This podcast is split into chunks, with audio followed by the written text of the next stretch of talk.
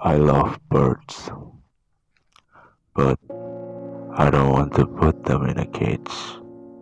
I just want to see them fly, chirping, singing, talking to other birds.